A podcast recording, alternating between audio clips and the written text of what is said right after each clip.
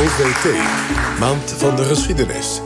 Live vanuit het Zeeuws Archief in Middelburg. Het is u vast niet ontgaan in de berichtgeving deze week over de laaggeletterdheid van Nederlandse kinderen. Het is weer Kinderboekenweek.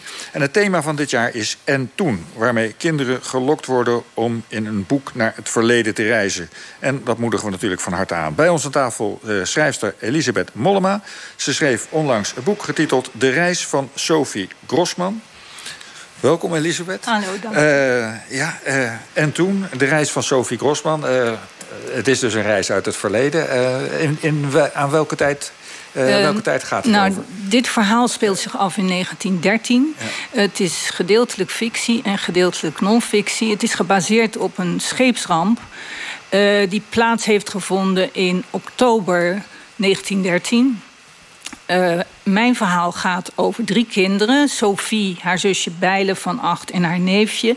Die reizen van wat toen Rusland is. Uh, met paard en wagen, met trein, te voet, door de sneeuw. Alleen naar Rotterdam. Uh, waar ze inschepen op de Volturno. En dat is een schip dat dat was, weer wel werkelijk heeft bestaan. Ja, dat heeft bestaan. Dat was gecharterd door de Uranium Shipping Company. Dus niet door de Holland-Amerika-lijn. En dat was een veel goedkopere maatschappij... die uh, naar Amerika landverhuizers uh, vervoerde. Sorry. En uh, midden op de oceaan vliegt dat schip in brand. En, maar het was een vliegende storm hele hoge golven. Uh, dus niemand kon van het schip af met reddingsboten als dat al zin had gehad. Maar er waren wel heel veel schepen in de buurt, die konden niet dichtbij komen. En zo hebben al die passagiers hebben bijna twee dagen lang op dat brandende schip gezeten. Allemaal opeengepakt op het achterschip.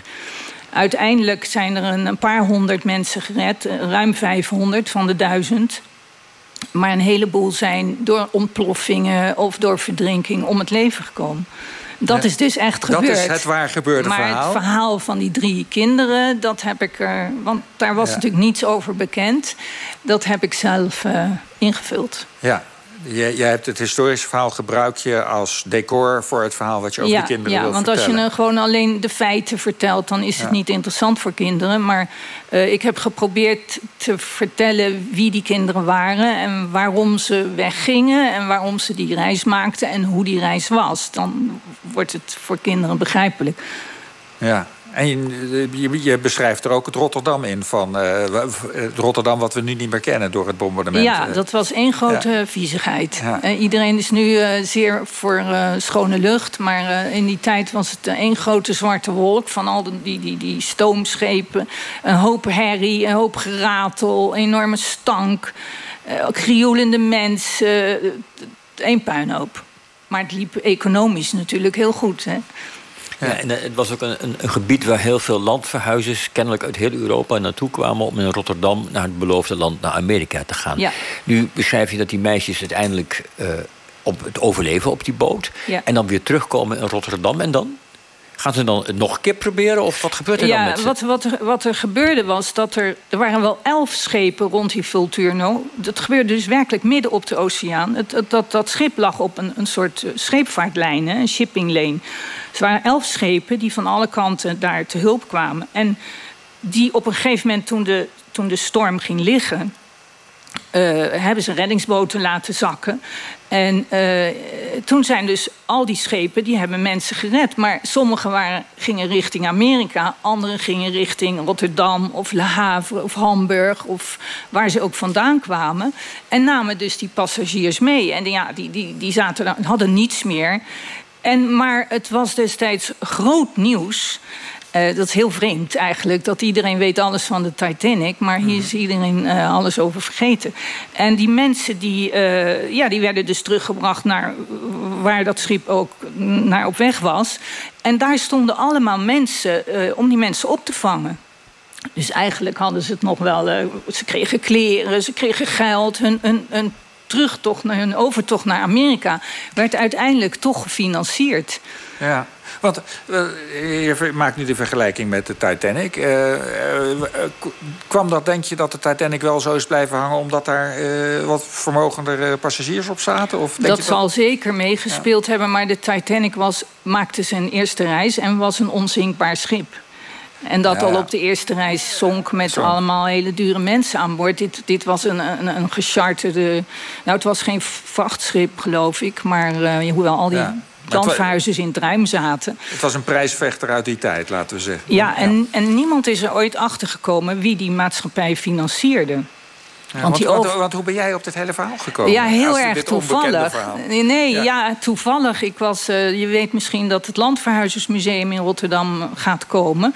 En ik eh, zat een beetje te, te googelen eh, wat dat precies was. Kwam op landverhuizers, ging steeds verder zoeken... en kwam toen op die Volturno terecht.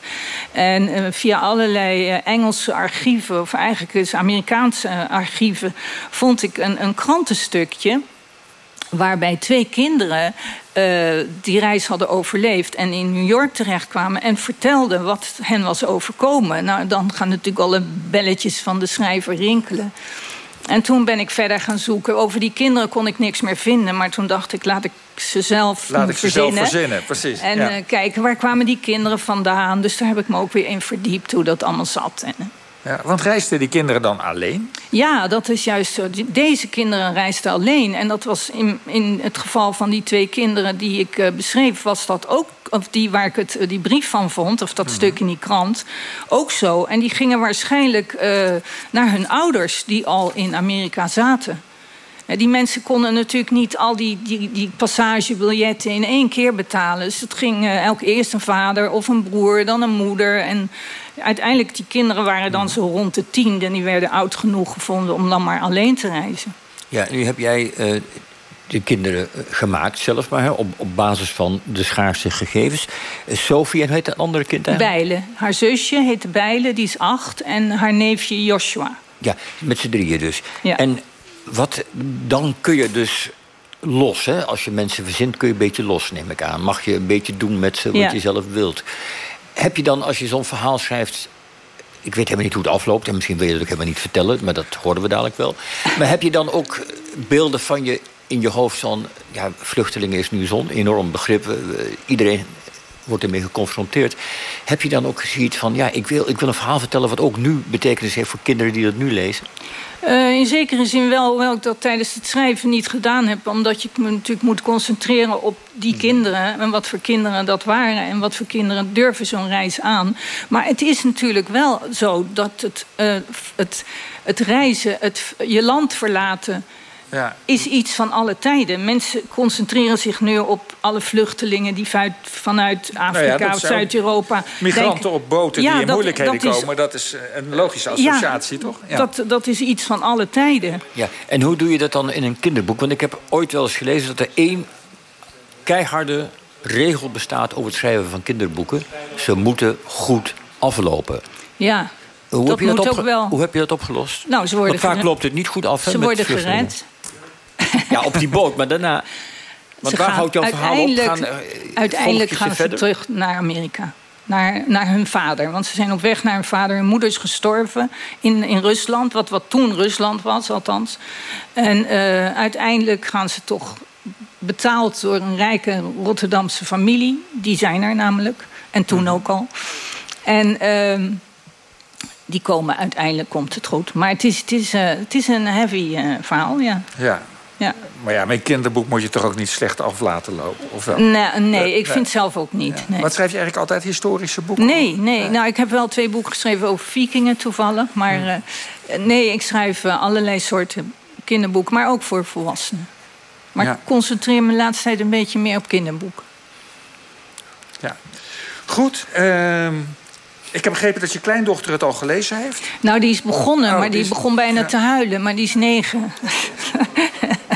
die, eh, ja, dat was heel triest, want die had zich heel erg verheugd erop. En, eh, maar zij is een heel gevoelig meisje dat, eh, dat zich snel inleeft in een verhaal. En, en ze heeft drie keer het eerste stuk gelezen. En ik hoorde dat ze het aan een vriendinnetje ook voorlas. Maar ik heb gehoord van haar ouders dat ze dat helemaal ondaan was. En nu heeft geroepen, ik ga het niet lezen. Maar dan heb je iets dus niet goed gedaan. Of wat denk je dan bij jezelf? Nou ja, kijk, dit- is natuurlijk. Ik, ik begrijp haar wel. Zij is heel gevoelig. Maar eh, ik kon dit verhaal niet anders schrijven dan hoe het werkelijk was. Ik kon dit niet een leuk, grappig verhaal maken. Er zit wel, ik heb het wel geprobeerd het een beetje met afstand te maken. Maar het is ook leuk. Goed, en het is voor hoe oud? Zeg maar vanaf negen. Vanaf maar negen. van de Goed. bovenbouw van de lagere school. Hè? Eh, Est- eh, Elisabeth uh, Mollewet, bedankt voor je komst. Het boek heet dus De Reis van Sophie Grossman... en verscheen bij uitgeverij Volt. En eh, ja, dit was OVT eh, voor deze week. Eh, dank aan de medewerkers van het archief hier. Ehm, straks komt na het nieuws de perstribune van Max. En wij zijn er volgende week zondag weer. En dan één keertje niet vanaf locatie, maar we houden ons wel aan het thema van de Maand van de Geschiedenis. En de, ja, de weken daarna, of u er als publiek bij kan zijn, ik ben bang van niet. Ik wens u nog een heel prettige zondag. Daarmee, geachte luisteraars, laat ik u over aan de verpozen die de radio u plicht te bieden.